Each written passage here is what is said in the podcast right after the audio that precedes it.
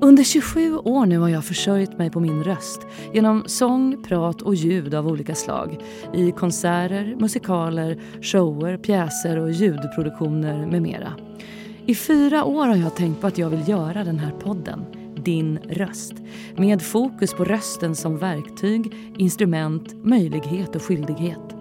Jag hoppas att ni får med er något nytt i varje avsnitt som alla kommer vara helt olika, både vad gäller längd och innehåll och val av gäst.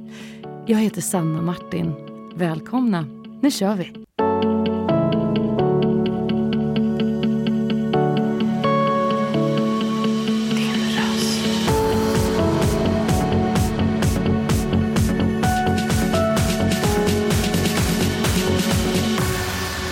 Röst.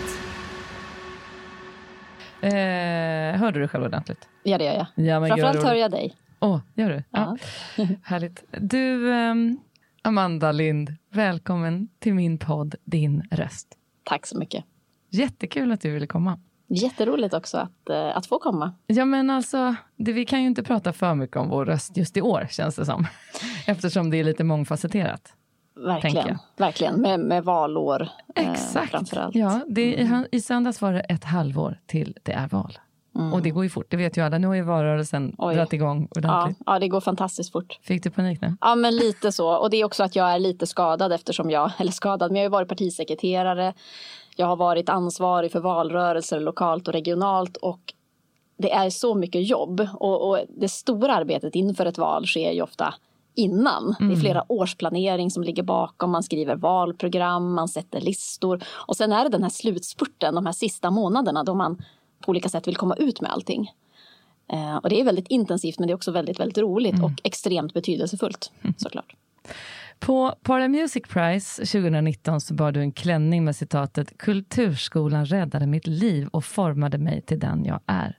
Det här var ett av 10 000 citat från en namninsamling i kölvattnet av minskade medel till Kulturskolan eh, innan dess. Och det finns ju många sätt att höja sin röst och detta var onekligen ett. Alltså, eh, vad tänker du när du tänker på att man höjer sin röst? Det där var ju ett, ett väldigt bra exempel på det faktiskt. För att höja sin röst är det kanske jag tänker på och det många tänker på som är inne i politiken är man höjer sin röst, man lyfter fram sin åsikt, man eh, kämpar och driver eh, en idé eller en, ett förslag som man tror på. Eh, tar plats i offentligheten. Men sen kan man ju göra det på så många olika sätt. Eh, ju. Eh, mm. Man kan göra det genom politik, genom sin, sin verbala stämma. Men bildspråket, det är också en, en röst. Musiken är också en röst. Kulturen är, är en röst. Och det där var ju ett, ett sådant exempel där vi ville hitta ett sätt att, att prata om vikten av kulturskolan. Eh, och prata om hur viktigt vi tycker att, och jag tycker att kulturskolan är. Och att få fram det på ett sätt som, som, som kanske kommer fram lite, lite på ett annat sätt, lite starkare än bara genom ytterligare en debattartikel eller genom ytterligare ett inlägg på sociala medier. Eh, Sen så berörde den där insamlingen mig också väldigt starkt faktiskt. Jag fick ta emot den eh, av, av gruppen som hade samlat in den. Det var 10 000 namn, men det var också väldigt många berättelser. Eh, folk hade skrivit små kommentarer till, eh, till namninsamlingen där folk berättade, både föräldrar, eh, lärare, elever, eh, nuvarande musiker och kulturskapare om hur mycket kulturskolan hade betydit. Och det var verkligen berättelser som handlade om på liv och död.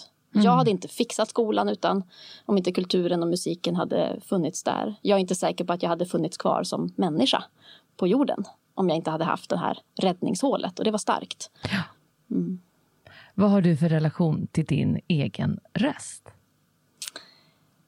Jag har eh, när jag, när jag, du berättade ju att den här podden ska handla om rösten och då associerade jag direkt till ehm, en lärare på gymnasiet som, som sa till mig, jag minns den här händelsen, vi gick i korridoren ett gäng kompisar och snackade. Och hur, hur läraren kom sen och sa, ja Amanda, man hör att du kommer där i korridoren för du har en sån karaktäristisk röst. Men. Ja, det där funderade jag på efteråt. Vad, vad var det för något? Det hade inte jag riktigt tänkt, tror jag, innan. Men så inser jag att ja, men, jag kan prata ganska högt ibland. Jag tror att jag har en ganska klar röst som uppenbart då kanske bröt igenom eh, på något sätt. Um, nej, men jag har nog alltid haft ett ganska bra förhållande till min, min röst tror jag. Och, uh, uh, jag sjöng i kör som barn. Mm. Um, var väl aldrig någon, någon stjärna i det men, men tyckte väldigt mycket om det. Både att sjunga i grupp såklart, men man fick också prova att sjunga lite solon. Uh, och det, det var såklart nervöst men, men jag har nog fått en viss ändå träning i att, att uttrycka mig mm. som, uh, som barn, bland annat genom det. Och du är uppvuxen i en, i en stor familj, ni är fem syskon. Mm. Och kom du till tals i er familj? Liksom, fick du hävda din plats på något sätt? Eller eller fick ni alla, alla möjligheter att höras och synas? Jo, jo, men det tror jag. Jag var stora syster. Jag var äldst av, av oss barn som växte upp hemma. Och eh, det var, var ganska livliga diskussioner runt, runt matbordet. Mycket, eh, mycket liv och rörelse. Så, eh, så det fick jag.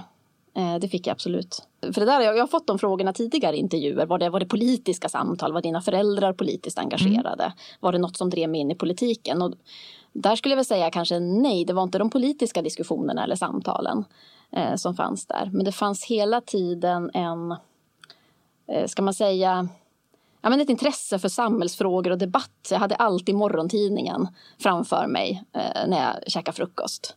Eh, jag brukade börja med serietidning, eh, seriestripparna och sen sporten.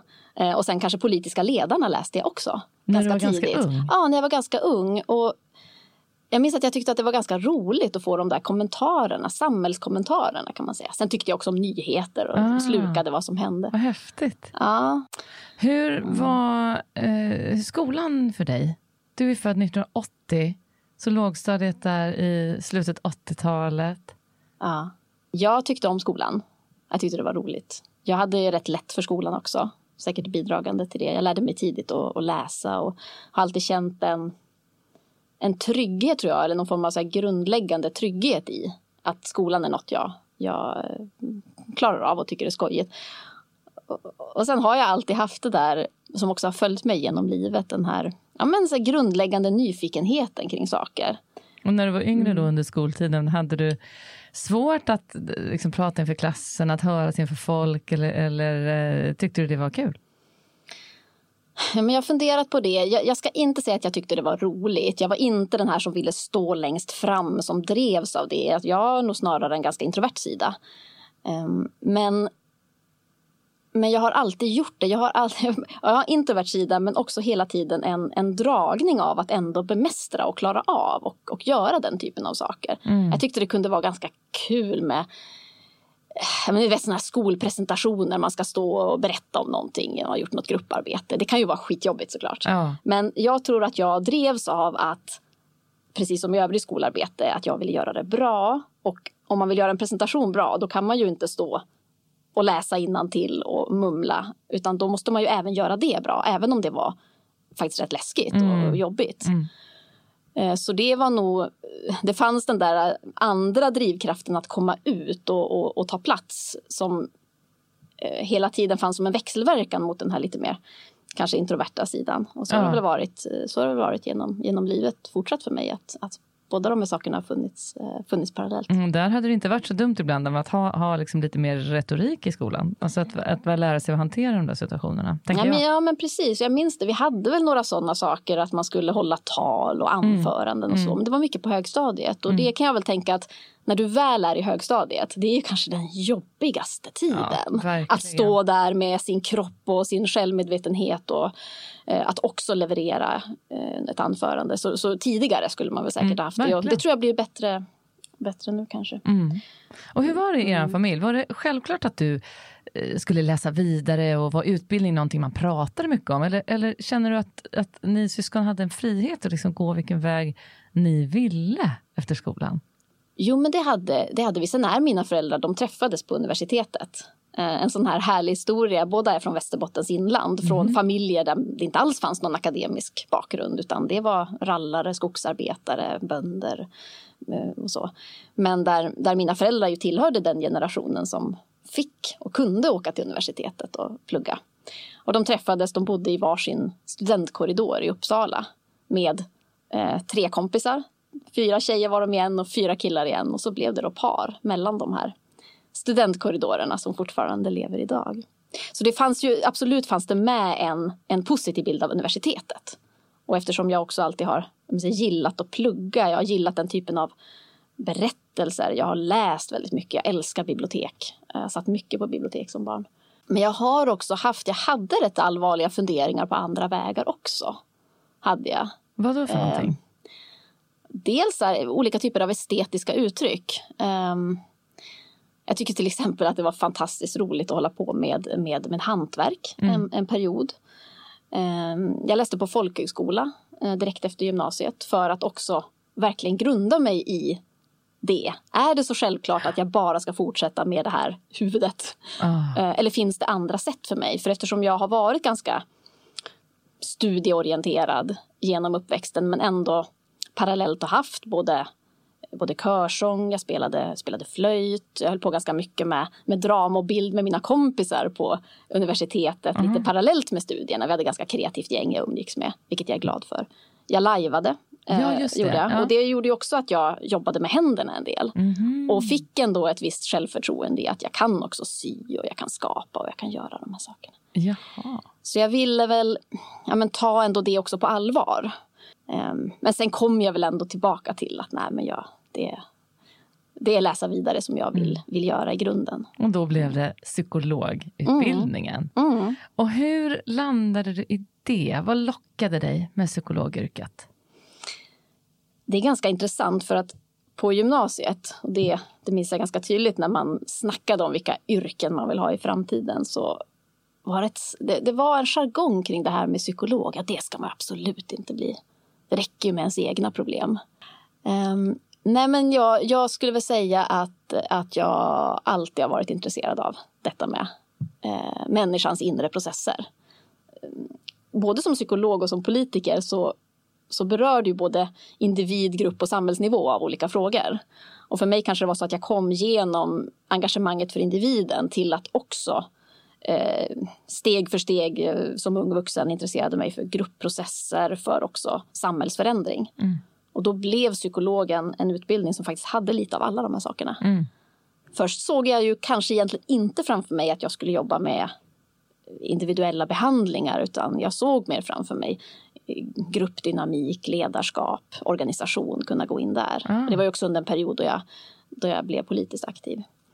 Eh, men sen jag har jobbat på BUP. Mm, jag vet, jag ska mm. fråga om detta. Ja, ja. Eh, nej, men det, det, det, det, är min nästa reflektion, att du arbetar på BUP i Härnösand och Sundsvall mm. ett tag. Och det är ju verkligen en instans som hanterar viktiga och ibland ganska svåra ärenden mm. och ger verktyg till familjer som behöver stöd. Ja. Och hur, hur, var det att arbeta i, med de situationerna? Väldigt, väldigt givande. Mm.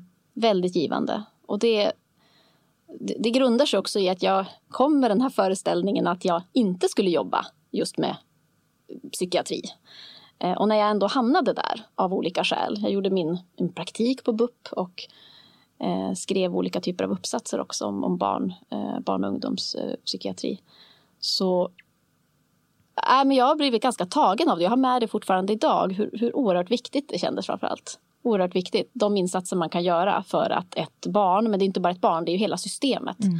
som påverkas eh, om man har ett barn med psykisk ohälsa. Mm. Men det jag framför allt tar med mig efter mina år på BUP det är att alla de andra sakerna som är så helt grundläggande för, för att ett barn ska kunna växa upp, hitta sin röst, sin väg i livet. Och det kan vara såklart skolan, anpassningar, mm. saker man kan göra i familjen. Ja, men där, om dem. någonstans så visar man väl också att det, alltså där, det är väl verkligen ett ställe man förstår att alla är inte stöpta i samma form. Vi Nej. måste kunna få ja. alla att vara med ja. på något sätt. Ingen ska ju hamna utanför. Nej.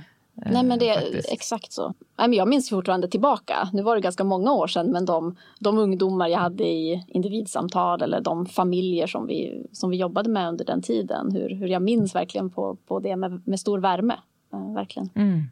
Skulle du kunna tänka dig att jobba där igen? Absolut. Mm. Absolut. Men sen började ett politiskt engagemang spira. Det kanske hade börjat tidigare, men, men ehm, hur, hur skulle du säga att det här politiska engagemanget eh, började? Jag har, har, har, pratat i också tidigare intervjuer om att det var delvis via kyrkan. Mm. Och det är väl både eh, det stämmer väl delvis att det var det. Första gången jag stod i en talarstol faktiskt. Det var på eh, Svenska kyrkans unga som hade ett riksårsmöte. Och jag var där som 13-åring som delegat. Jag tillhörde bland de yngre i det gänget. Och mm. Att det var just jag som fick åka från den här gruppen vi hade i, i Luleå. Det var någonting i mig som ändå det spirade något litet intresse av det. Som att det var ett Kanske att det var ett rum och ett sammanhang som, som kunde locka mig på något sätt. Och och jag minns också hur jag satt där och det jag gick upp och sa i talarstolen, det var ju inget revolutionärt, men, men att jag tänkte att ja, men jag vill upp och säga någonting. Jag vill erövra den här plattformen Aha. på något sätt. Sen tog det ganska många år innan jag gick in i politiken. Det var väl där i slutet av 90-talet där det var en, en, en, global solidaritetsrörelse som jag kände ganska starkt för och med då. Mm. Uh, orättvisor uh, gentemot mellan västvärlden och det man då kallade för tredje världen. eh, kunde göra mig väldigt så här, frustrerad och en väldigt stark känsla av ja, faktiskt kanske ansvar. Att, att om inte vi kan, som lever här i Sverige, som har det så bra och med de förutsättningarna, om inte vi gör vad vi kan för att skapa en mer rättvis världsordning eller för att eh, hantera miljöproblemen, för det börjar man prata om också då. Mm. Så vilka ska då göra det? Men sen kände jag väl ganska starkt efter något år där då jag hade försökt att engagera mig där att jag hade lite svårt att kanske fastna vid en fråga och känna att det är den frågan som jag ska ge mitt liv och min passion för. Och, och då genom olika tillfälligheter egentligen så, så, så träffade jag personer som var aktiva i Miljöpartiet och kände att men här, här finns det en ideologi, här finns det en, en grund för att jobba med många frågor. 2016 till 2019 var du partisekreterare i partiet. Kan du bara kort berätta, vad gör en partisekreterare? Ja, en partisekreterare, det är något som alla partier har på riksnivå. Ofta är det så att du har en, en partiordförande eller som vi har språkrör som jobbar med den utåtriktade politiken. Partisekreteraren är den som vänder sig inåt, som jobbar med organisation, som ofta har ett ansvar för valrörelsen. Det, det är lite olika vilken roll partisekreterare har mm. i de olika partierna. En del är, är valda av kongressen, vilket eh, jag var. En del är det att man sitter och har en, en roll i riksdagsgruppen mm. och blir utsedd där och utses av partiledaren själv. Men eh, det finns ju vissa, man brukar se partisekreterarna när man ska till exempel kommentera partiets opinionsläge. Då brukar, vi, då brukar partisekreterarna ställa upp sig på rad för att säga kloka saker om, om det. Oj, okay. Men man har en, inre, en intern ledarroll ja. kan man säga. Mm. Partiledarna orkar inte och kan inte åka runt i landet Nej. hela tiden. Då är det det. Ja, men vilken bra beskrivning, en intern mm. ledarroll. Mm. Ja, men det är intressant. Mm. Men 21 januari 2019, då blev ju du utsedd till kultur, demokrati och idrottsminister. Första veckan fick du massa uppmärksamhet, dels för ditt hår och mm. dels för ett uttalande du hade gjort om Mehmet Kaplan och uttalandet var faktiskt ett tack till många av Miljöpartiets ministrar som verkat för en grön politik om jag har förstått det rätt. Mm. Tycker du att den här uppmärksamheten kring den punkten eh, blev en höna av en fjäder? Ja, men det tycker jag väl. Jag, jag fick ju chans då att ändå förtydliga att jag tyckte det var bra att han avgick, för han avgick 2016. Jag ja. tycker han hade, hade gjort vissa fel då i sin roll. Um, men att jag som, jag var ju partisekreterare då och tyckte också då att det var självklart att jag skulle tacka alla gröna mm. ministrar som hade jobbat den Just det, för du sa det här innan du var minister. Absolut, ja, absolut, absolut. ja. absolut. Och jag, där menar jag att man måste också kunna, man, man, måste kunna tacka en person för allt arbete den har gjort, även om eh, personen sen då har fått lämna och det har skett mindre bra saker. Jag håller helt med. Också. Det är klart man måste få göra det. Mm. Jag erkänner direkt, jag är medskyldig till en form av skepsis som fanns hos eh, en del, kanske när du tillträdde. Och det var ju många som inte visste vem du var och var du kom ifrån eh, politiskt. Och jag har tänkt en del på det här eftersom jag kände liksom samma typ av skepsism när till exempel Lena Adelsohn Liljeroth tillträdde som kulturminister långt tidigare. Den här typen utav förutfattade meningar är jag starkt emot och inte dugg stolt över att jag har känt. Men om vi tittar på hur det såg ut när du utnämndes till minister, kände du av den här skeptiska attityden eh, på något sätt? Ja. Och vad gjorde den då med dig? Ja, den var ju väldigt uttalad. Det var ju inte minst eh, ledarsidor, alltså kultur, kulturledarsidor som också uttryckte den eh, väldigt tydligt.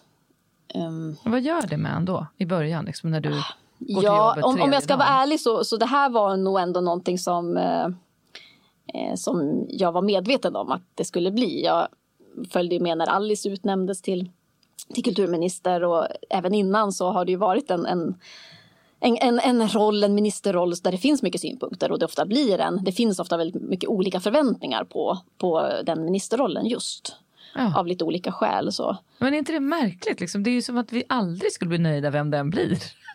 Alltså, det skulle alltid ifrågasättas. Ja. Men det, nej, jag, jag säger nej, men, i alla fall ursäkta ja. om jag bidrog till detta. För ja. det, det, tycker jag inte är, nej, men det, det, ska vi väl lära oss någonting ja. av. Att uh, vi vet ju inte allting om den som, som kommer. Men um, kan du berätta om samtalet när du blev tillfrågad att bli kulturminister? Mm. Ja, men det kan jag absolut göra. Ja, men jag, eh, det, var, det går ganska snabbt, ska man vara medveten om. Det här det är ju inte frågor som kan ställas lång tid innan. För då skulle det bli ryktespridning och allt möjligt. Utan, utan när det väl hade landat, det var en jättelång process med januariavtalet. Och jag var partisekreterare eh, då och parallellt med att den här regeringsbildningen höll på så ägnade jag min mesta kraft åt att förbereda EU-parlamentsvalet som skulle vara mm. framåt höst, alltså jag, eller framåt våren. Så, så, så där hade jag mitt fokus väldigt mycket plus också att såklart hålla ihop partiet under den här ganska svåra perioden. Och när väl januariavtalet var framförhandlat, det fanns ju saker som var bra för Miljöpartiet och det fanns saker som var lite mindre bra som vi inte alls höll med om egentligen. Mm. Eh, så det var mycket interna processer då. Då fick jag eh, mitt i, jag tror det var att vi hade något större möte kanske med partistyrelsen eller liknande som jag var med på. Och då var det språkrören som ville, ville prata med mig. Och det är inget konstigt, vi pratar jätteofta. Mm. Så jag hade, jag hade absolut inte en sån förväntan att jag skulle få den här frågan. Det hade jag inte. Jag blev överraskad. Uh, för att jag så det var jag, dina språkrör som liksom Det var mina språkrör. Ja, det var mina språkrör. Sen pratade jag med Stefan Löfven också. Mm. Men det är språkrören som ändå utser personer från Miljöpartiet. Du får ta den här ja, bollen. ja, ja. Eh, men jag blev, jag blev jätteglad för den frågan. För då hade jag jobbat som, varit PAS partisekreterare, fokus på organisation. Men jag har ju min grund i sakfrågorna. Uh-huh. Att varit kulturpolitiskt ansvarig i Härnösand i eh, rätt många år. Och även, och det är väl det som också språkrören visste, att var det två frågor som jag som partisekreterare ändå höll kvar som sakfrågor och ställde frågor om eh, i valprogramsarbetet, var extra noggrann med. Så var det kulturfrågorna och det var landsbygdsfrågorna. Aha. Det har varit två, som de sista tio åren, jag har varit väldigt, väldigt inne i. Ah. Um, och också arbetet som eh, med demokratifrågor. Ja. För i grunden är det ju det du gör som partisekreterare. Faktiskt, du jobbar med demokrati inom en organisation. Den här podden är ett samarbete med Elgiganten. Elgigantens hjärtefråga grundar sig i att ingen ska hamna utanför. Mer specifikt vill Elgiganten motverka det digitala utanförskapet som drabbar allt fler. Äldre personer har generellt sett mindre kunskap om digitala verktyg och sämre tillgång till teknik. I tio år i rad nu har Elgiganten kartlagt det digitala utanförskapet och dess utveckling. I den senaste undersökningen framgick att en av tre personer, alltså 41 procent över 60 år, är oroliga för att de inte kommer hänga med i den tekniska och digitala utvecklingen när de blir äldre. Vill du veta mer om Elgigantens arbete för att minska det digitala utanförskapet? Besök elgiganten.se. Men skulle du säga att det ofta är ett mål för en politiskt engagerad person, eh, i synnerhet partipolitiskt engagerad, att sträva efter en ministerpost? Jag kan inte svara för andra partier. För Miljöpartiet, nej. nej. Alltså det, det är, det, det, är, man ska tänka det är bara de sista sju åren vi har haft ministerposter. Just det. Och jag har jag tror inte jag stött på en människa som har faktiskt i ärlighet, alltså som, som har sagt att jag har ett mål att bli minister. Sen kanske det beror på också var, var man kommer ifrån. Eftersom jag varit kommunpolitiker väldigt länge och inte suttit i riksdagen heller. Så har inte det, jag har inte liksom gått och hängt med ministrar. Nej. Och tänkt att där kan jag. Liksom. Men jag kan bara svara för mig. Jag har aldrig haft den här utstakade karriärvägen. Utan det har mer varit eh, liksom, engagemang och ansvar eh, och drivkraft som har lett till mm. Eh, lett, lett, till detta. Men den här ministerposten är ju ingen lek på det sättet att det är tre ganska rejäla områden. Du säger ja, kulturminister, idrottsminister och demokratiminister. Ja. Är det ens vettigt att lägga alla de här tre på ett bord? Nu har man gjort en liten annan uppdelning. Nu har man mm. flyttat eh, idrottsfrågorna men å andra sidan har man lagt på mänskliga rättigheter mm. på nuvarande mm. kulturminister. Då. Det är ändå väldigt, väldigt mycket. Det, det, är väldigt mycket. Det är egentligen ganska många ministerposter, man glömmer lätt det. Ja, som, har, ganska, som har flera det. olika mm. frågor. Mm. Socialminister, skolminister, civilminister. Eh, det är ofta flera. Men tyckte du att det var hanterbart för dig att ja. arbeta med framförallt de här tre huvudfrågorna? Jag tyckte att det var hanterbart. När jag var nämndsordförande i Härnösand så var jag ansvarig för en nämnd som hette Samhällsnämnden. Jag vill ändå nämna den för att den var lite speciell. Den hade ansvar både för kultur, fritid, alltså idrott, eh, ungdomspolitik men också bygg, miljö, gata, park. Nej. Ja, miljöfrågorna. Så vi kallade den lite skämtsamt för en renässansnämnd för att man måste både kunna bolla med bildningsfrågorna, de mjuka värdena, det som skapar det här levande samhället. Mm. Men också bara bygga, inte akvedukterna då, men, men bygga gatorna, den mer fysiska hårda planeringen mm. och också lagstiftningsfrågor. Så jag kände personligen att det var lite som att jag kom hem när jag fick ägna mig åt politiken som minister och att det var flera olika frågor som kopplar samman på olika sätt. Föreningslivet, civilsamhället, grunden för vår demokrati. Det förenar ju de här områdena mm. ganska tydligt. Eh, men det som, det som var svårt, och kanske inte minst under pandemin, det är ju att det också är frågor som berör väldigt många. Det finns väldigt många eh, väldigt brett och rikt föreningsliv inom alla de här områdena. Väldigt många intressegrupper, väldigt många eh, sammanhang där jag kände att jag skulle vilja vara i ännu mer. Mm. Det är inte alla ministerområden som har men ta bara Riksidrottsförbundet, det är ett förbund men det finns ju 70 olika specialidrottsförbund som jag i grunden ville kunna träffa mm. och, och, lära känna kanske djupare. Men, men som ministerområden så passar de väldigt väl ihop skulle jag säga. De, ja, ja. Mm. Och när du var ny minister, eh, mm. vad, kan du beskriva vad, vad var det första du gjorde som du var så här, okej okay, nu vill jag göra det här eller styr man ens det själv? Och säger vad man vill ta tag i först. Ja, ja men det gör, det gör man ju absolut. Men man har ändå vissa ramar. Och den ramen som jag hade var januariavtalet mm. mellan de här punkterna. Och det var ju faktiskt tråkigt att det var ganska lite kultur i januariavtalet. Så det första vi gjorde i min stab det var att vi la en plan. De här områdena finns inte i januariavtalet, de här frågorna finns inte, men vi måste jobba fram eh, i dem. Det som fanns i januariavtalet det var kulturskolan, det var läsningen, det var mediestödet. Mm. Men inte mer. Det som kanske blev ganska tydligt, tyvärr, det var att januariavtalet åt mycket mer än vad jag trodde. Mm. Det kostade väldigt mycket pengar. Och första året, det har man nästan glömt under pandemin och nu när det läggs väldigt expansiva budgetar. Men första året var det ganska lite mer det här vanliga sättet att göra budget. Mm. Det ska finansieras krona för krona. Eh, en satsning på 100 miljoner är ganska mycket inom kulturens område. Mm. Och det första, absolut första vi behövde göra var också att återställa det här kulturskolebidraget som du pratade om. Så det blev den första fighten att ta. Det, det är ju ganska mycket ändå ett före och efter pandemin. När du blev minister, mm. eh, var det en stor omställning för er familj? Eh, ja, men så både och faktiskt.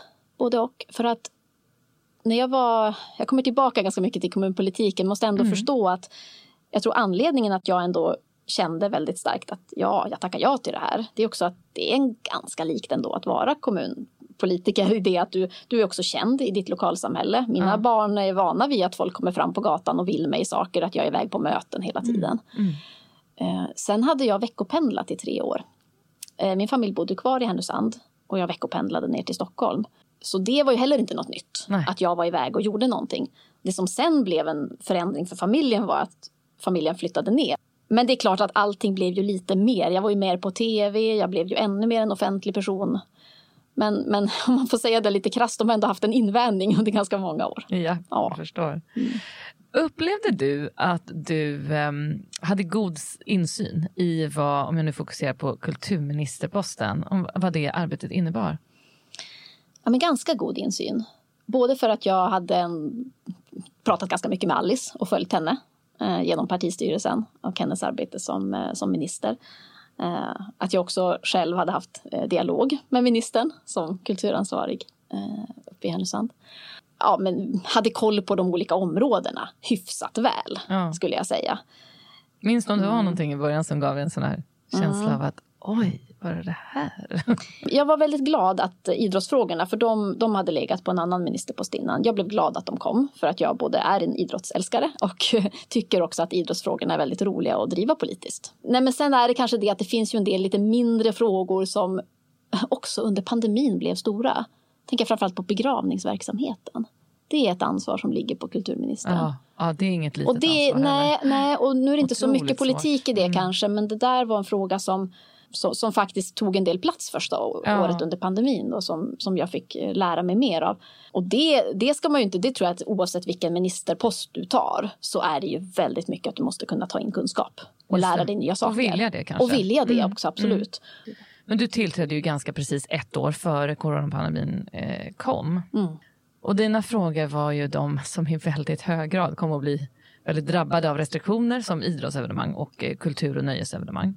Hur skulle du säga att ni från kulturdepartementets håll angrep frågan när ni förstod vilken påverkan det skulle få på alla våra företag som arbetar i området och organisationer och så som arbetar med evenemang och kulturupplevelser?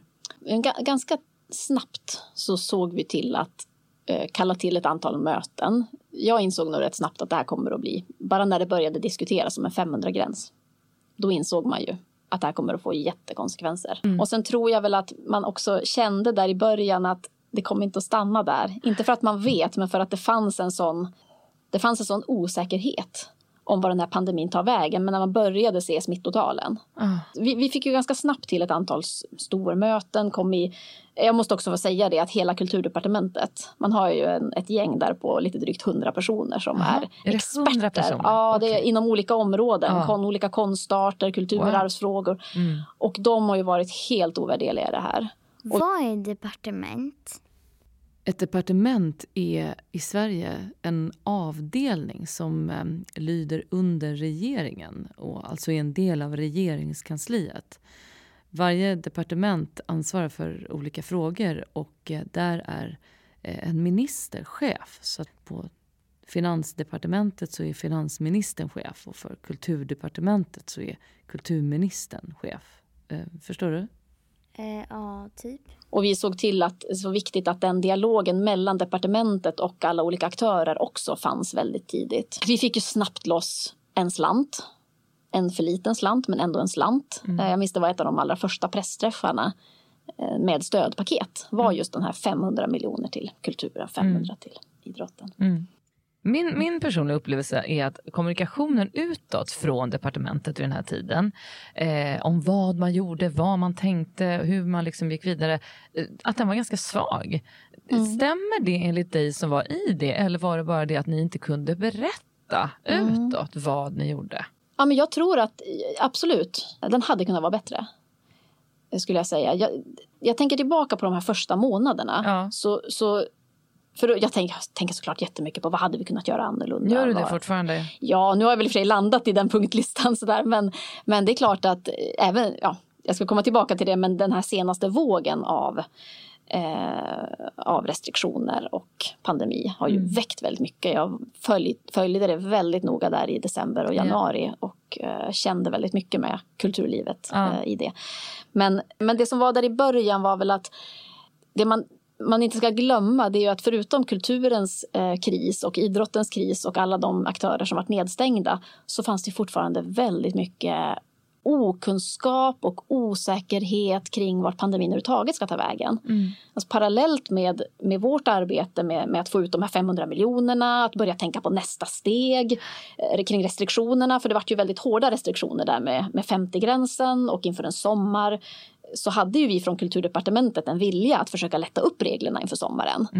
Men samtidigt som, som vi jobbade med vårt så var det ju allt från vaccinationerna, vad händer där, provtagningen, sjukvården som slog i taket, begravningsverksamheten för att ta ett sådant exempel. Så, så de första månaderna jag har en hel del saker som jag verkligen tycker att vi borde ha fått på plats tidigare. Ja. Och känner mig besviken att vi inte gjorde det. För det Okej. skapade en... Vad då till exempel? Ja men, ta till, ja men ta till exempel sommaren då. Det fanns ju ändå en diskussion kring borde man skulle man kunna lätta upp och ha lite mildare regler under sommaren. Mm.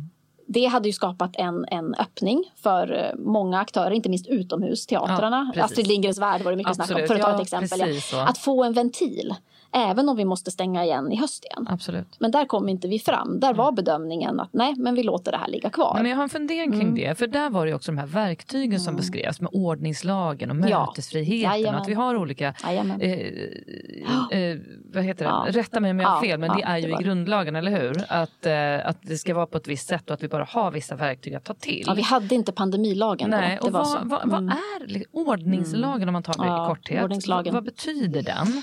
Ordningslagen är det som alla som arrangerar allmänna sammankomster och offentliga tillställningar söker eh, tillstånd från eh, kommunen eller polismyndigheten. Mm. Eh, det fanns där som ett, som ett verktyg och därför var det den lagstiftning som, som vi kunde använda när man ville begränsa möjligheten till möten.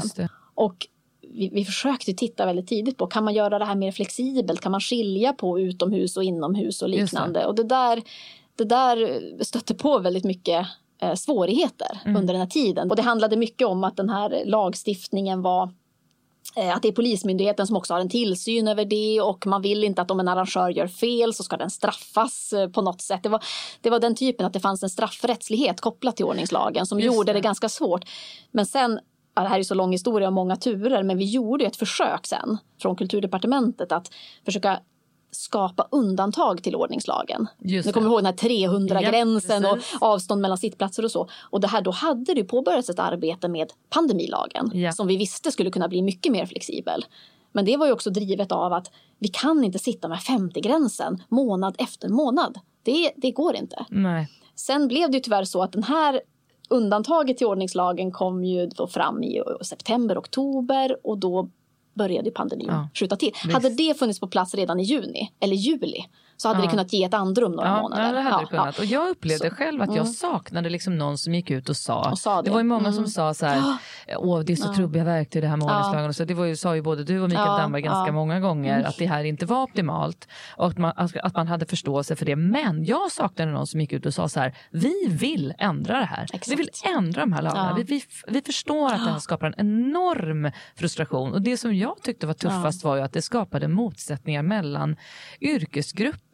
Och mellan upplevelser. Du, vet, du kunde ja, liksom dra med dina jo. barn till Ullared eller, eller ja, så, men du kunde vet. inte ja. åka till Liseberg och du Nej. kunde inte Nej. gå på konsert men du kunde gå ut och äta 200 pers som ingen sjöng där. Ja. Alltså det var så märkligt och jag saknar någon som liksom gick ut och sa ja, vi vill ändra det här. Och det, även om man förstår hur krångligt det är så kan jag ibland känna att, så här, att man säger någonting från ett politiskt ledarhåll kan ibland göra så himla stor skillnad för att folk känner sig sedda. Ja. Tänker du att ni mm. hade kunnat liksom agera så eller är det naivt av mig att tänka att så här, ja, det hade inte spelat någon roll om vi sa någonting? Nej, men det hade nog absolut spelat roll, tror jag. Jag, jag, jag minns ett tillfälle väldigt tydligt och det är jag väldigt, väldigt glad över. Det var, var ett gäng personer som sammankallade ett, ett möte, så här, Teatern under bron, som hade en, mm. ett, ett, evenemang. Och det tyckte jag var bra för att det fanns en ambition att vilja reda ut saker. Och jag minns själv när jag försökte formulera varför kunde vi inte tala mer klarspråk? Att som minister så är du begränsad av, och det här låter så fånigt, va? men man kommer ju även överens om vad man säger inom ja. ett regeringssamarbete. Även vad vi säger på en pressträff är föremål för förhandlingar. Just det. Och om man backar bandet, för vi var inne på det där varför kommunikationen inte var helt tillfyllest där de första månaderna. Mm. Så tror jag att det kan ha handlat om att det fanns en sån oro för vart den här pandemin med smittan skulle ta vägen. Så det fanns en osäkerhet att överhuvudtaget kommunicera sånt som handlar om att öppna upp. Ja. Och sett i efterhand så har vi ju lärt oss saker av det här. Också för att det var något som vi verkligen försökte jobba med att kunna vara mer transparenta och att ja, men hellre gå ut och säga då att vi har en plan att kunna öppna upp. Vi tog fram den här avvecklingsplanen till exempel av restriktionerna förra sommaren. Även om vi alla vet att så här, det kan bli bakslag. Men det är bättre att, att ha någonting att se framför. För annars får ju kulturen till exempel helt omöjliga förutsättningar att Mm. ha någon som helst planering. Just det. Men det var absolut inte självklart att driva igenom en sån hållning. Utan det fanns väldigt mycket att vi säger inget förrän det är klart. Och det skapade en enorm frustration. Ja, men jag tycker det är mm. jättebefriande att du säger det här Amanda, att det är så här det går till. Mm. För jag tror också att man kan sitta där, även om i mitt fall, jag är hyfsat intresserad av, av politik och samhällsfrågor och följer gärna både pressträffar och, och debatter eh, om jag, om jag kan. Men ändå skapar en förvirring. Ändå kände man lite så här, vad, vad hände här? Ja. Eh, och att du bara beskriver hur det går till tror jag hjälper faktiskt för att, att man ska veta lite grann hur det kan vara. En annan sak som jag tänkte också, som, som vi också har pratat en del om den första sommaren, eftersom kulturen och idrotten ganska snabbt fick loss en hyfsat stor summa pengar och man visste inte hur länge den här krisen skulle vara. Så, så, så fanns det också sen en litet motstånd mot att ska vi skicka nya pengar? Ska vi inte vänta och se vad som händer? Men när det ändå landade där i juni att vi ska inte, vi hinner inte eller vi ska inte av säkerhetsskäl då lätta upp den här eh, ordningslagen, begränsningen under sommaren. Då skulle ju nya pengar ha kommit samtidigt. Ja. Jag tror att det var många som arbetar inom den näringen som kände lite att restriktioner måste vara lika med stöd. Det Mm. Exakt. måste vara liksom en, Exakt. ett streck däremellan. Och, och det kan jag hålla med Och om, även då fanns- längre det har skridit. Och även då, man också komma ihåg, då fanns inte heller alla näringslivsstöden. Nej. Vi hade fått 500 miljoner till kulturen som vi skulle få ut och där var vi tvungna att prioritera också. Ja. Vilket innebar att de här grupperna som till exempel ljud och ljustekniker och liknande som vanligtvis inte får direkta kulturstöd hamnade mellan stolarna där. Precis. Och det som hände efter sommaren var att då kom äntligen då ett, ett, ett eh, stöd till de som har enskild firma kom på plats Mm. till slut. Eh, och vi fick också större pengar loss till kulturen. Mm. Eh, jag minns om det var två eller två och en halv miljard som vi kunde gå ut med i slutet av augusti eller vad det nu var. Det. Och det var nog kanske det som ja, men smärtade ändå lite i december, det som hände nu. eh, Nu när vi hade lämnat regeringen. För att efter de erfarenheterna, de första månaderna där, så har i alla fall jag varit väldigt noggrann med att säkra och slagits rätt hårt för det att när väl nya restriktioner kommer till, då måste det också komma stöd. Precis. Där det kom nu då en ny våg och då hade man också gått ut, vi hade ju haft den här avvecklingsplanen så att kulturen hade gasat igång då och lagt in jättemycket pengar i produktioner och ehm, satsat för att vi också ville det. Liksom. Vi hade lagt återstartspengar och så. Och sen när det kom väl då en ny begränsning så kom det en väldigt lite summa pengar kopplat till, till det som inte var i paritet med konsekvenserna av, Nej. av restriktionerna. Och då blev det också nya protester och liknande. Men där kunde jag känna, vad fan, visst, inte en gång till.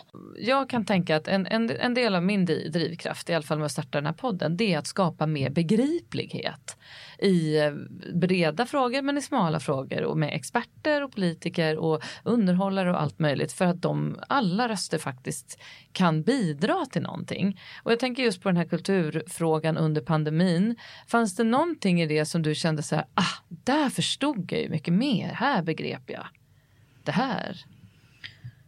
Nej, men som sagt så, så eh, kände jag väl att i, i grunden så hade både jag och kulturdepartementet ändå rätt bra koll på eh, kulturens och kulturskapares villkor och liknande. Men just den gruppen som vi vanligtvis inte har kontakt med dagligdags igen med kulturpolitik. Jag tänkte till exempel på privatteatrar, eh, producenter av den lite mer kanske kommersiella, nöjesinriktade kulturen som står på egna ben. Ja, men där behövde vi komma till tals med varandra. Och jag, jag tycker att något som hände under pandemin som var så väldigt, väldigt bra eh, både för branschen men också för oss i politiken, det var när man bildade den här föreningen Sveriges producenter och privatteatrar. Ja.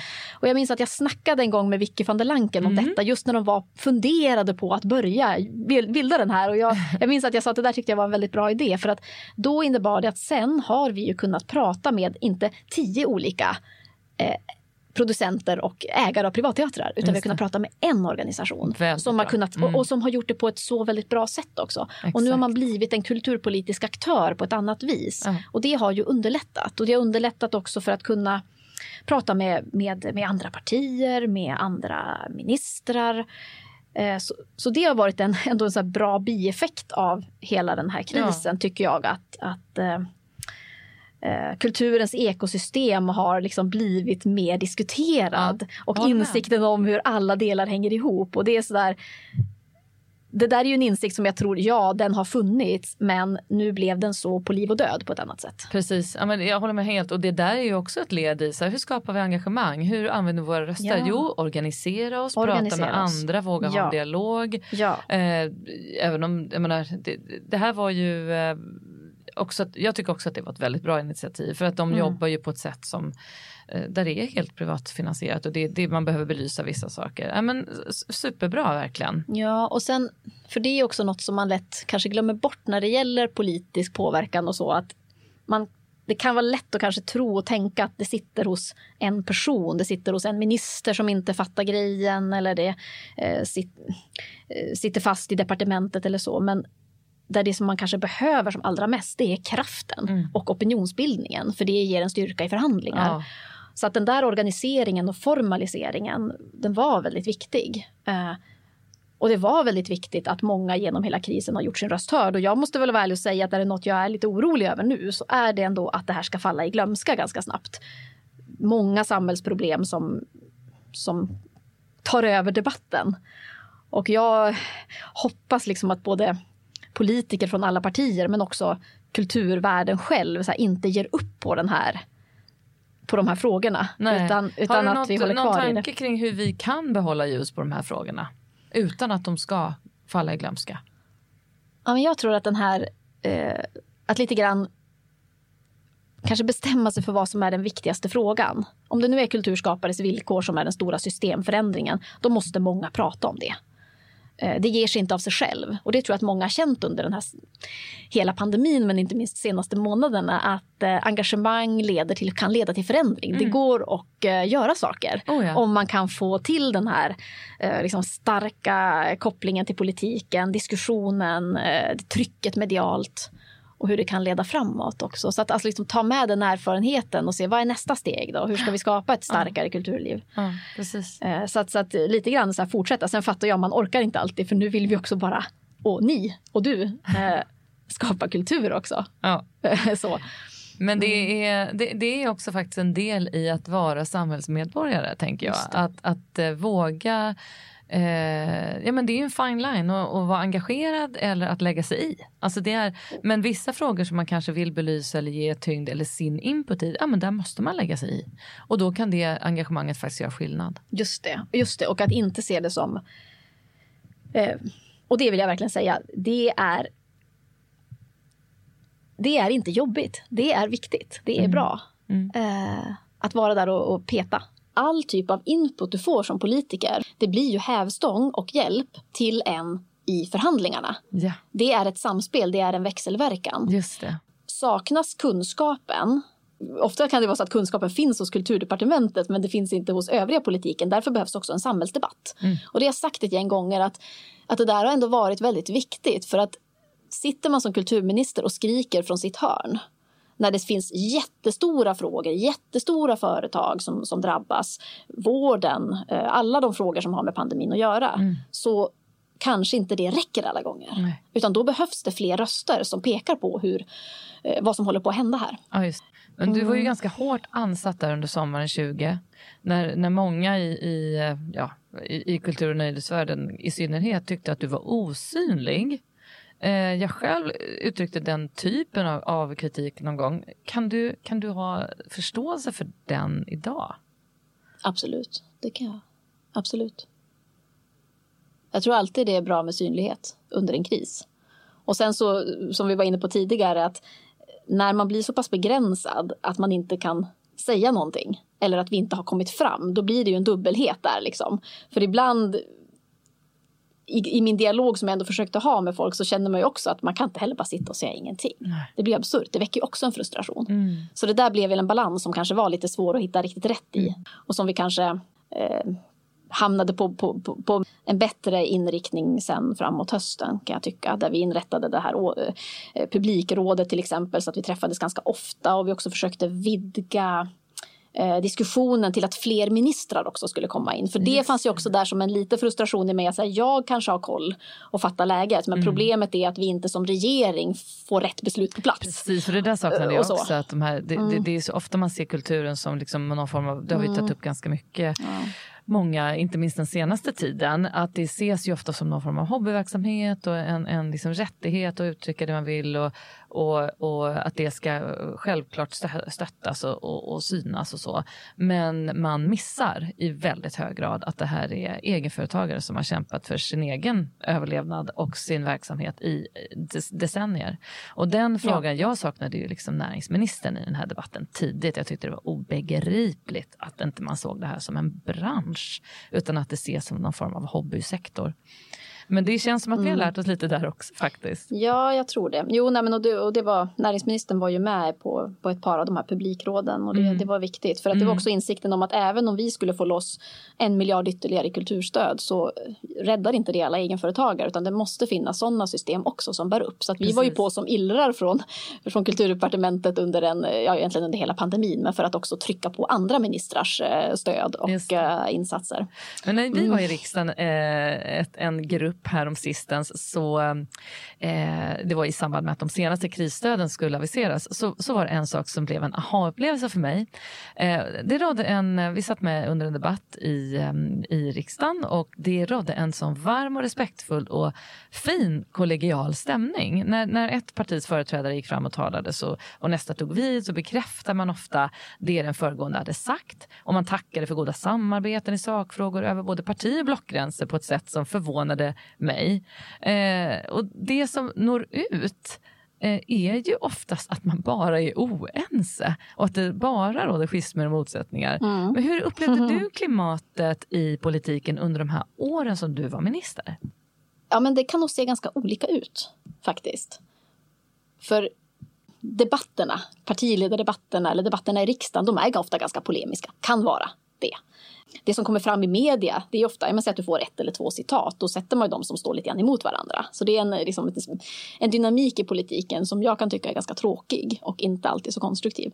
Men de diskussioner som kan vara i ett utskott till exempel, eller om man samlas kring en viss sakfråga, eller ännu mer då i en kommunal nämnd till exempel, det finns det ofta jättemycket konstruktivitet. Och, och de, de, den konstruktiva delen av politiken, den är ju så rolig mm. och så viktig att, att det här med att vi tillsammans är en del och gör samhället till något bättre. Mm. Eh, det Många det. tror att du sitter i riksdagen och att du är i politiken just nu också. Mm. Eh, men du klev av som minister i november mm. var det väl? Eh, vad gör du just nu? Ja, jag sitter ju inte i riksdagen utan jag kom som partisekreterare eh, och innan dess kommunalråd. Så det gör jag inte. Däremot så Eh, så engagerar jag mig en del i kulturfrågorna fortfarande. Eh, stöttar partiet och har ett jättefint samarbete med, med nuvarande gäng som sitter i riksdagen och, och vill ju bidra. Eh, jag har ju haft ändå svårt att släppa frågorna mm. såklart. Mm. Och det är också för att det första som hände var att det blev den här nya restriktionerna och, ja. och krisen. Och det, det kände jag direkt hur jag direkt började liksom, vad ska jag säga på pressträffen nu? Vad händer? Vad ska vi driva nu gentemot finansen och socialdepartementet? Allt det här mm. bara drog igång i mig. Oh en väldigt stark fysisk reaktion också. Och hur får man då lägga sig i mm. så att säga, när du har klivit ur lite? Får, får du ja, säga men... vad du tycker och vill? Jo men absolut och vi skrev ju debattartiklar. Vi skrev mm. debattartikel jag ihop med mm. politiker i Miljöpartiet och jag var med på möten med aktörer och jag känner jag är fortfarande en miljöpartistisk politiker som bryr mig om kultur. Mm. Och det kommer inte jag att, släppa. Det kände jag väldigt tydligt. Sen eh, kommer jag att kandidera till riksdagen Just i höst. Det, det har spikats eh, mm. nu och jag står också på en nu får man se, man vet aldrig, men jag, jag står inte bara på, väst, jag står på Västernorrlands lista, men där var det länge sedan vi hade mandat eh, i partiet. Men jag står mm. också på en av Stockholmslistorna. Ja. Så det innebär att jag, jag hoppas att, att eh, verkligen att jag får möjlighet att, att fortsätta jobba med, med politik. Jag känner att jag har både en, ja, en, en kunskap man också har byggt upp som man vill kunna använda sig mm. av. Och, Precis, du kandiderar till riksdagen, men vad, mm. vad ägnar du din tid åt just nu? Mm. Ja, men då, för, förutom eh, då, eh, detta med att fortsätta stötta, stötta partiet lite bakom kulisserna och engagera mig fortfarande så, eh, så pluggar jag lite nu faktiskt. Aha. Jag läser två distanskurser på Göteborgs universitet om religionsvetenskap och teologi. Aha. Jätteskönt att både för mig själv ja. och för min hjärna att få bita tag i någonting och, ja, och, och, lyfta perspektiven lite och få lite distans och kanske hamna i en annan dialog både med mig själv och med andra som inte mm. är den här politiska diskussionen. Utan den här lite mer eh, dialogbaserade, analytiska Ja. kanske. Jag, jag tycker det har varit lite som balsam faktiskt Vad att få vara i det. Ja, verkligen. Förkovra sig Mm. lite. Sen hoppas jag också nu, för det, det ligger ett sånt förslag, att jag också ska eh, väljas till Miljöpartiets kulturpolitiska talesperson Ja. eh, nu senare den här veckan. Och det, jag sitter ju inte i riksdagen, men det känns jättefint att få den möjligheten också att, att prata ännu mer om, eh, om partiets kulturpolitik och inte minst inför, inför valet nu. Vad skulle du säga är det som du hann genomföra som minister som du är mest nöjd och stolt över? att vi fortsatte jobba med kulturskolefrågorna. De tycker jag är jätteviktiga. Där hade jag gärna velat komma lite längre, tillsätta en utredning om lagstadgad kulturskola till exempel, tror jag vore ett bra nästa steg. Jag, tycker det är, jag är stolt över att vi fick incitamenten för film på plats i senaste budgeten. Det har varit en, en hård kamp. Uh, nu är vi där. Det blir jätteviktigt för, för filmens produktion i, i, och utveckling i Sverige. Uh, arbetet med kulturens frihet uh, är jag stolt över. För det är ja, viktigt på så många olika sätt. Att kulturen står fri oavsett vem som styr. Att det där har varit rätt viktigt för mig. Det finns ibland en, en liten slängig debatt i att ja, men MP vill ju styra kulturen lika mycket som SD och så där. Så det där tycker jag är, ja, dels är det fel. Eh, Miljöpartiet har en väldigt frihetlig kultursyn och det är viktigt att befästa den. Eh, och sen finns det andra krafter i samhället som faktiskt medvetet aktivt vill styra eh, kulturens innehåll. Att man inte ska köpa in utmanande samtidskonst till exempel som en del SD-politiker säger. Så, så den, den, eh, den diskussionen att vi kom vidare och faktiskt börjar genomföra åtgärder där, det, det, det är jag stolt över. Eh, arbetet med trygghetssystemen. Ja, Att vi har den baxat är jag saker. väldigt glad över att du har Mm. upp. För det Mm. är så efterlängtat. Att vi faktiskt lever i ett samhälle som, som till mångt och mycket är väldigt jämställt och jämlikt. Men när det kommer till frågan om egenföretagare och framförallt inom kreativa yrken så har man ju mycket färre rättigheter än, än om man är anställd. Och så där. Det är jag Ja. jätteglad över att du har belyst faktiskt. Ja. Och det där blir, det har varit så här, som så många frågor har fått den här belysningen under pandemin. Att det är inte rimligt. Och så här, tyvärr har konstnärer och kulturskapare levt i denna verklighet i decennier. Oh ja. Men nu kommer det ju fler yrkesgrupper som också lever i den. Precis, det är så många som är projektanställda. Så många och som är det och det Ja. blir så uppenbart att vi kan inte ha ett trygghetssystem som baseras på att du är löntagare. Nej, och det är framförallt att det är otidsenligt system som och liksom orättvist. gjordes på 60-70-talet. Det är inte ens Ja. så att jag kunde inte ens fylla i en blankett Nej. när jag skulle vara föräldraledig. Exakt. Det, det är jätteknivigt. Alltså. Så kanske det blir, och det är väl lite, kan väl kännas lite, lite smärtande också faktiskt, att Mm. nu när det är fler som är i samma läge, då kanske också konstnärerna och kulturarbetarna kan, att det kan bli en förändring. Absolut. Jag hoppas det och jag tror det här Ja, blir nästa stora, stora system, Mm. Systemstrid som behöver tas faktiskt. Det tror jag också. Mm. Och jag önskar så att det här skulle komma upp på bordet i andra partier. Eh, Jag Mm. har varit lite nagel i ögat på vissa och känner Mm. att det här måste, man kan inte gambla bort den här frågan.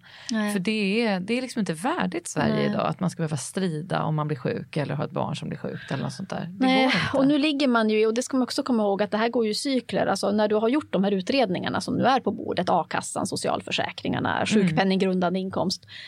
Om inte förändringen sker nu, om det blir för, för små steg som tas, ja, då kan det dröja flera år Ja. innan det blir nästa cykel av att tillsätta utredning Nej, och vi så. måste så piska på det är nu lite grann så att det be- behöver göras. Ja, gud, det är så mycket, Ja, det är så mycket, man vill, Det är göra. roligt. Mm, det Men är vad har du för relation generellt till begreppet riksdagsval? Nu är det ett valår i år. Om vi bortser från din Mm. roll i politiken. Liksom hur, när, om du är en vanlig väljare, hur ser du på riksdagsval? Mm. Alltså nu var det ju ganska länge sedan jag var vanlig var vanlig väljare. Jo, det var det. Alltså för, nej, men för mig är ju riksdagsval som sagt mycket det här. Jag har mycket partiperspektivet ändå. Eh, va- va- va- vad man behöver göra praktiskt, alla de olika aktiviteterna. Mm. Så här. Men det som är... Alltså jag, jag tillhör ju ändå någon, någon sk- skola som tycker att eh, riksdagsval är ändå en hyllning till demokratin Mm. och att det finns en möjlighet att få samtal med Ja. människor. Ja. Eh, alltså, och och det där, precis som du sa, att man, man ser partiledardebatterna å ena sidan, men bakom kulisserna eller i, i, eh, när man pratar politiker emellan kan det vara ett helt annan samtalston. Och jag tänker att det är så med politik också, att, att politik är väldigt mycket det här som Ja, men det, här sam, det demokratiska samtalet och engagemanget som föds så här, människa till människa så här, när vi gör saker tillsammans. Eh, och under ett valår så får fler chans att prata om politik och lyssna och lära om politik. Mm. Och det är, ja, det är så viktigt. Och så roligt också. Det är det bästa tycker jag när man får eh, stå på stan och prata med folk. Jag var ute och kampanjade för några dagar sedan bara. Eh, vi skulle prata om biståndet till, till Ukraina nu och den, mm. den situationen nu. Men då kom jag till tals med några, några killar som gick sista året på gymnasiet. Eh, kom till Sverige som ensamkommande för, för ett antal år sedan. Och så ställde vi frågan, ja men är det någonting du, någon politisk fråga du bryr dig extra mycket om? Och det var, nej det tror jag inte. Så här. Men man sen börjar prata, men hur din miljö är runt omkring där du bor, eh, skolan. Eh, då började ju samtalet. Just det. Just det, det är det som är politik. Det är samhällsbyggnad. Men det här är så viktigt. Det är sakfrågor. Och politik är inte något... För det var ju också härligt. De var, ja, är det du som är... Var det du som var kulturminister? Och det tycker jag också är så viktigt att eh, eh hur ska jag säga, försöka hålla politiken jordnära. Precis. Att i Sverige kan vi ha de här samtalen och finnas nära varandra. Jag ja. är inte någon annan typ av människa bara för att jag har varit men, minister. Nej, och det där tror jag är en fördom att politik inte skulle angå alla. Mm. Utan att det skulle vara bara några som kan blanda sig i det. Just det, några experter. Men att man ska hur tänker du att, man skulle, att vi skulle mm. kunna få fler unga att faktiskt använda sin röst och läsa på i viktiga frågor och, och förstå att deras engagemang räknas? Oh. Jag, jag, kan bara säga att det här är en jätteviktig fråga. Ja. Och jag, ty, tyvärr så finns det väl inget så enkelt svar på den, den frågan. Mm. Eh, det är färre personer som är medlemmar i partier idag. Det är många som känner ett samhällsengagemang. Mm. Så det är någonting med det här att kunna koppla ihop människors privata engagemang, det som intresset för politik som är jättehögt bland unga idag. Eh, till att liksom ta det nästa steg och vara en del i att tillsammans bygga samhället. Mm. Ehm, jag vill ju gärna här, partipolitik är inte allt. Man kan, man kan göra sin röst hörd på många sätt. Och det är det första jag säger till en ung person. Ja. Faktiskt. Att man behöver inte köpa hela paketet hos ett parti. Man kan påverka på jättemånga sätt. Men, jag vill ändå säga det. Finns det inte folk som är politiker? Har vi inte medlemmar i partierna eller folk som är beredda att sitta där i nämnden eller i riksdagen då dräneras vår demokrati. Otroligt viktig poäng. Det är jätteviktig poäng. Så, att, så att jag vill också någonstans kanske slå ett slag för att eh, också eh, ta steget in i partipolitiken. Men då måste ju partierna göra sitt och öppna dörrarna. Jag håller helt med. Eh, faktiskt. Och, och, men sen tycker jag att om man ska bygga eh, liksom, det här engagemanget då behöver ju också de här grundläggande demokrati eh, hörnstenarna finnas som så mediefriheten, att vi har journalistik i hela landet, att vi har eh, hög läskunnighet. Jag tänker på biblioteken, jag tänker på kulturen som handlar också om att känna, som vi var inne på med min resa, alltså en mm. trygghet i att uttrycka sig. Hade Precis. jag varit samma person idag, hade jag blivit minister om jag bara hade suttit och läst och inte haft de här andra kulturella uttrycken, hittat det språket. Mm. Så här, jag tror inte det. Ja. Så det är någonting med hur vi, hur vi är människa och hur vi hittar sätt att samspela med andra där så här, kulturen och föreningslivet är sådana såna här riktiga grundkitt som ja, men det är så... Ja, vi måste bara värna mer. Alltså, det är ju en helt omöjlig fråga att, att svara på. Jag har inte ens tänkt ställa den men man kan bolla upp den ändå vad är kultur? Liksom, det går ju knappt att svara på. Du får lika många svar som du frågar människor.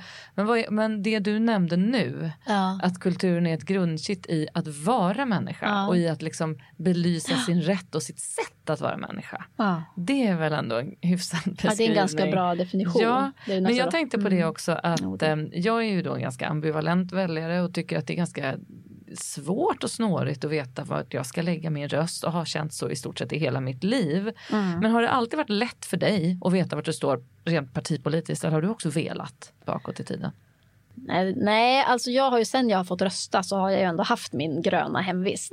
Mm. Eh, och det är nog för att jag har gått in i, alltså jag gick in i partipolitiken via ett ideologiskt engagemang. Och där kunde jag se att den gröna ideologin, det är där jag hör hemma. Mm. Så sen brukar jag säga, jag snackar ju med mina egna barn eh, om det här. Mm.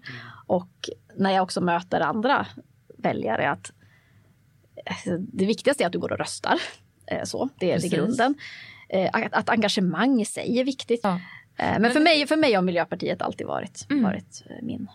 Tycker du att det är en hög tröskel att diskutera politik med vänner och sådär? Jag kan ofta uppleva att många blir lite obekväma. Jo, och det är väl för att, för att politiken har två sidor. Att den ena sidan det är så här, nu ska vi göra något bättre. Och om man är överens om eh, hur och på vilket sätt, då är det ju jättehärligt. eh, så. Men att politiken ju faktiskt också är att det är olika åsikter i vårt samhälle och vi måste hitta sätt att bryta dem mot varandra. Och det kan bli obekvämt. Eh, inte minst om man rör frågor som är ja, men som är väldigt djupa värderingar som man har eller att de är laddade för att man kanske har någon, någon erfarenhet i livet som, som gör en viss fråga väldigt laddad. Eh, och, eh, så här, vi, det är väl också något som i vår kultur att vi är lite till mans obekväma med att bli obekväma med varandra över ett middagsbord och så. Eh, jag har ju några, några familjemedlemmar som jag, min pappa bland annat och även min, en av mina bröder som vi kan ha ganska intensiva och dynamiska samtal om man får kalla det så. Ja, Men då förenas man ju i en grundläggande trygghet till varandra. Precis. Men jag skulle säga att så politik är ju ett sätt att kunna vara oense på ett strukturerat sätt. Ja, det är väl ändå lite det sagt. som är, ja, men det är lite det som är det här systemet i riksdagen till exempel. Att andra partier kan fråga statsministern och man lägger motioner och man ställer frågor och interpellationer och allt vad det är. Och det, det är ett sätt att bryta de här åsikterna på ett sätt som vi ändå kan vara så att säga, civiliserade och hövliga med varandra. Ja, just det. Ja. Men du har ju två barn som ganska snart är vuxna och röstberättigade. Eh, vad skulle du säga att det viktigaste för dig är att de får med sig i en sån här situation? jag, jag är nog inte den förälder som eh, drar den ideologiska lansen kanske vid, vid middagsbordet då, utan jag försöker nog ganska ofta, jag försöker slå på nyheterna så att vi ska titta på det lite då och då. Så att inte de bara får sitt inflöde via TikTok och, eh, och eh, den typen av sociala medier. Eh, nej men jag tycker att det är viktigt att, att försöka vidga hela tiden, att försöka förstå kanske vilka argument och motargument som finns eh, i en viss fråga. Och det där tror jag har blivit viktigare och viktigare för, för mig också.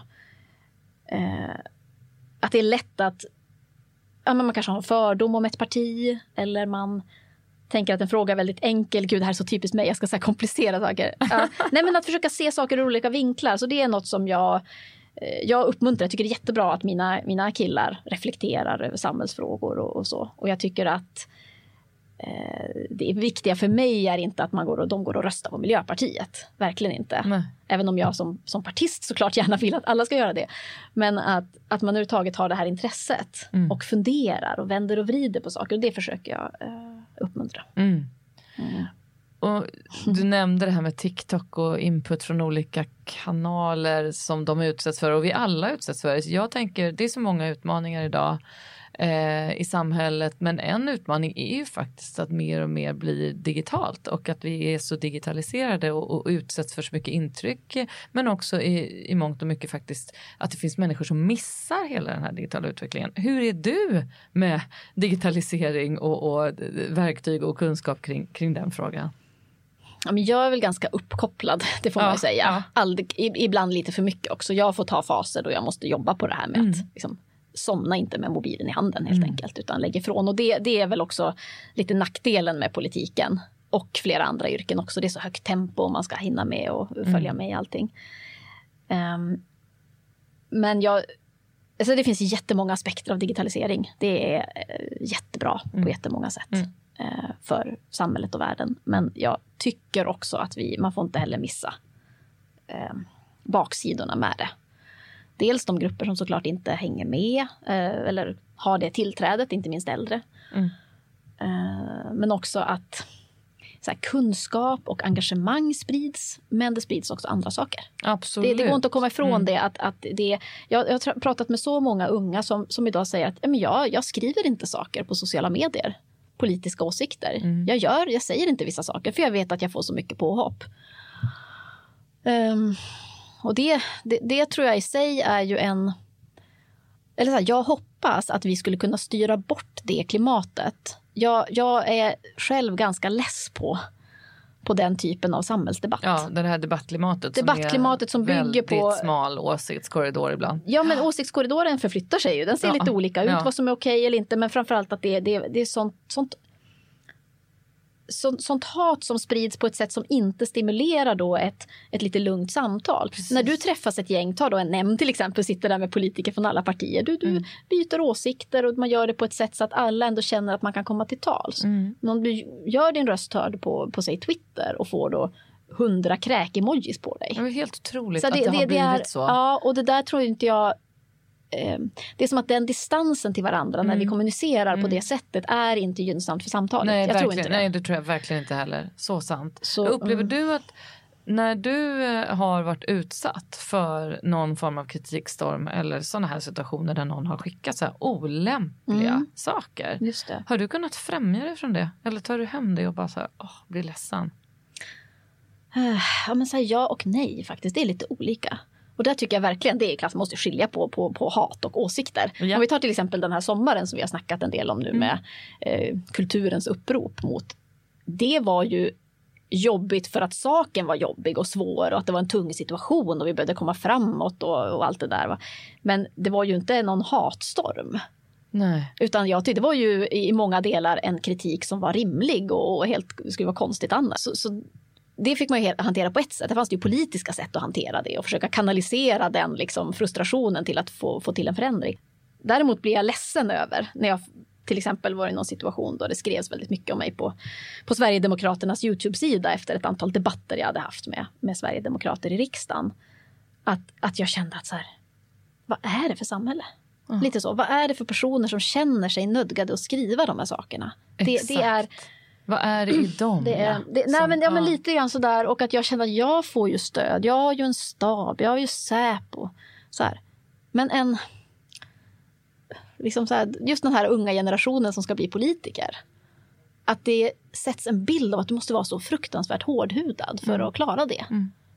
Och jag måste, tror ju att... Jag tror att det, Ja, men jag, jag, och delvis kan man säga att jag väl kanske fått bygga upp någonting där. Men, men jag tror ju att det är bra om vi har politiker som är så att säga, empatiska och känsliga också. och man måste få vara olika. Och jag tror väl att så här, plattformarna har ju ett ansvar. Det finns ju någonting i algoritmerna här som faktiskt det här är inte av Gud givet att det ska se ut så här. Nej. Eh, där radikala, extrema eh, känslor och budskap sprids eh, mer och då genererar det mer klick och ja, du vet, det blir ett självspelande piano nästan. Mm, mm. Eh, och därmed också påverkar vår verklighetsuppfattning. Det är svårare att göra någonting konkret emot det här för man vill heller inte gå över och, och censurera, det är viktigt. Nej, nej. Och jag tror inte bara att man kan gå till sig själv och tänka att man ska ta ett eget ansvar och stänga av eh, telefonen. Nej. Utan det här är en samverkan mellan, eh, mellan individen och, mm. och samhället. Vi ska börja runda av. Nu ska du få en fråga från min förra eh, gäst, Kristoffer eh, Appelqvist. Uh, hur mycket billigare ska det vara? Hur mycket mindre ska en föreställning för barn få kosta än en föreställning för vuxna? Och varför? Ja, men en bra fråga jag tror inte att det går att sätta någon, någon procentsats, att det ska vara 100% eller 50% billigare och så. Ofta brukar man ju tänka att det gärna ska vara lite billigare eh, med till exempel en teaterföreställning för barn. Och jag tror det även i grunden handlar om ett rättvisetänk att oavsett dina föräldrars plånbok så ska barnen ha så stor möjlighet som det bara går att, att ta del av kultur. Och det tycker jag är en rimlig hållning att man ska sänka trösklarna för barn att att uppleva kultur. Just för att det är det här både sättet för, för, för barnet själv och dess tillblivelse som människa att hitta sin, sin röst och sitt uttryck. Men, men också att det är en sån viktig del i vår demokrati. Så. Men sen tror jag att man måste komma ihåg då att, att man inte bara där får tänka den kultur som barn upplever på fritiden. För det är ju ändå inte alla barn som har föräldrar som tar en på teaterföreställningen. Nej. Eller går på museet eller till biblioteket. Och därför så skulle jag nog ändå säga att arbetet i skolan med barns tillgång till kultur, det är det absolut viktigaste för det får alla barn uppleva. Mm. Mm. Ja, just det. Du ska få skicka med en fråga till min nästa gäst som är eh, generalsekreterare för Rädda Barnen, Helena mm. Tubell. Då skulle jag vilja fråga hur du ser på kulturens roll i barns liv, inte minst när man har varit med om svåra saker eller som nu när det händer mycket oroligheter i världen och kriget i Ukraina. Så kulturens roll i kris. Mm, bra. Har du något Drömuppdrag? Oj, jag tycker ju att jag har haft mitt absoluta drömuppdrag som Sveriges kultur, demokrati och idrottsminister. Mm. Så det betyder att om du skulle få minister någon, någon gång till, mm. vilken minister skulle det vara? Ja, men det ligger väl nära till hands. Ja. Det gör det. Att vilja fortsätta, vilja göra mer. Mm. Ehm, det finns så mycket kvar. Mm. Är du orolig för världen? Ja, det. Mm. det. Det, det är väl en av mina drivkrafter. Att jag, att jag ser hur, eh, hur otroligt dåligt det ser ut. Inte minst när det gäller klimatet, miljön, artutrotningen. Det är nästan svårt att ta in.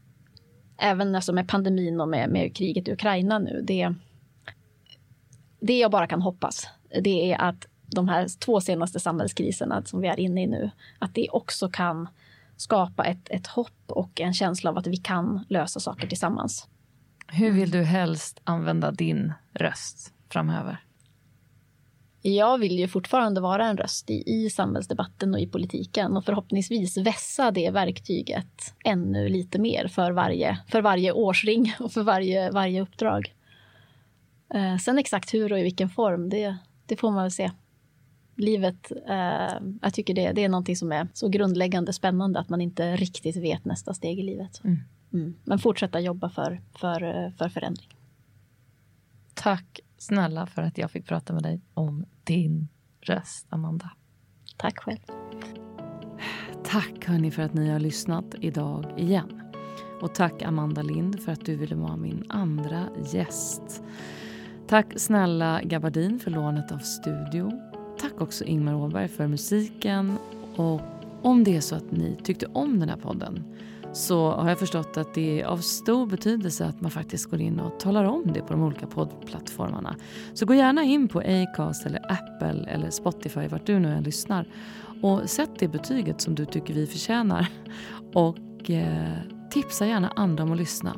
Dela detta gärna och skriv en liten recension. Vi ses nästa vecka. Då ska vi höra Helena Tybells röst. Hej då!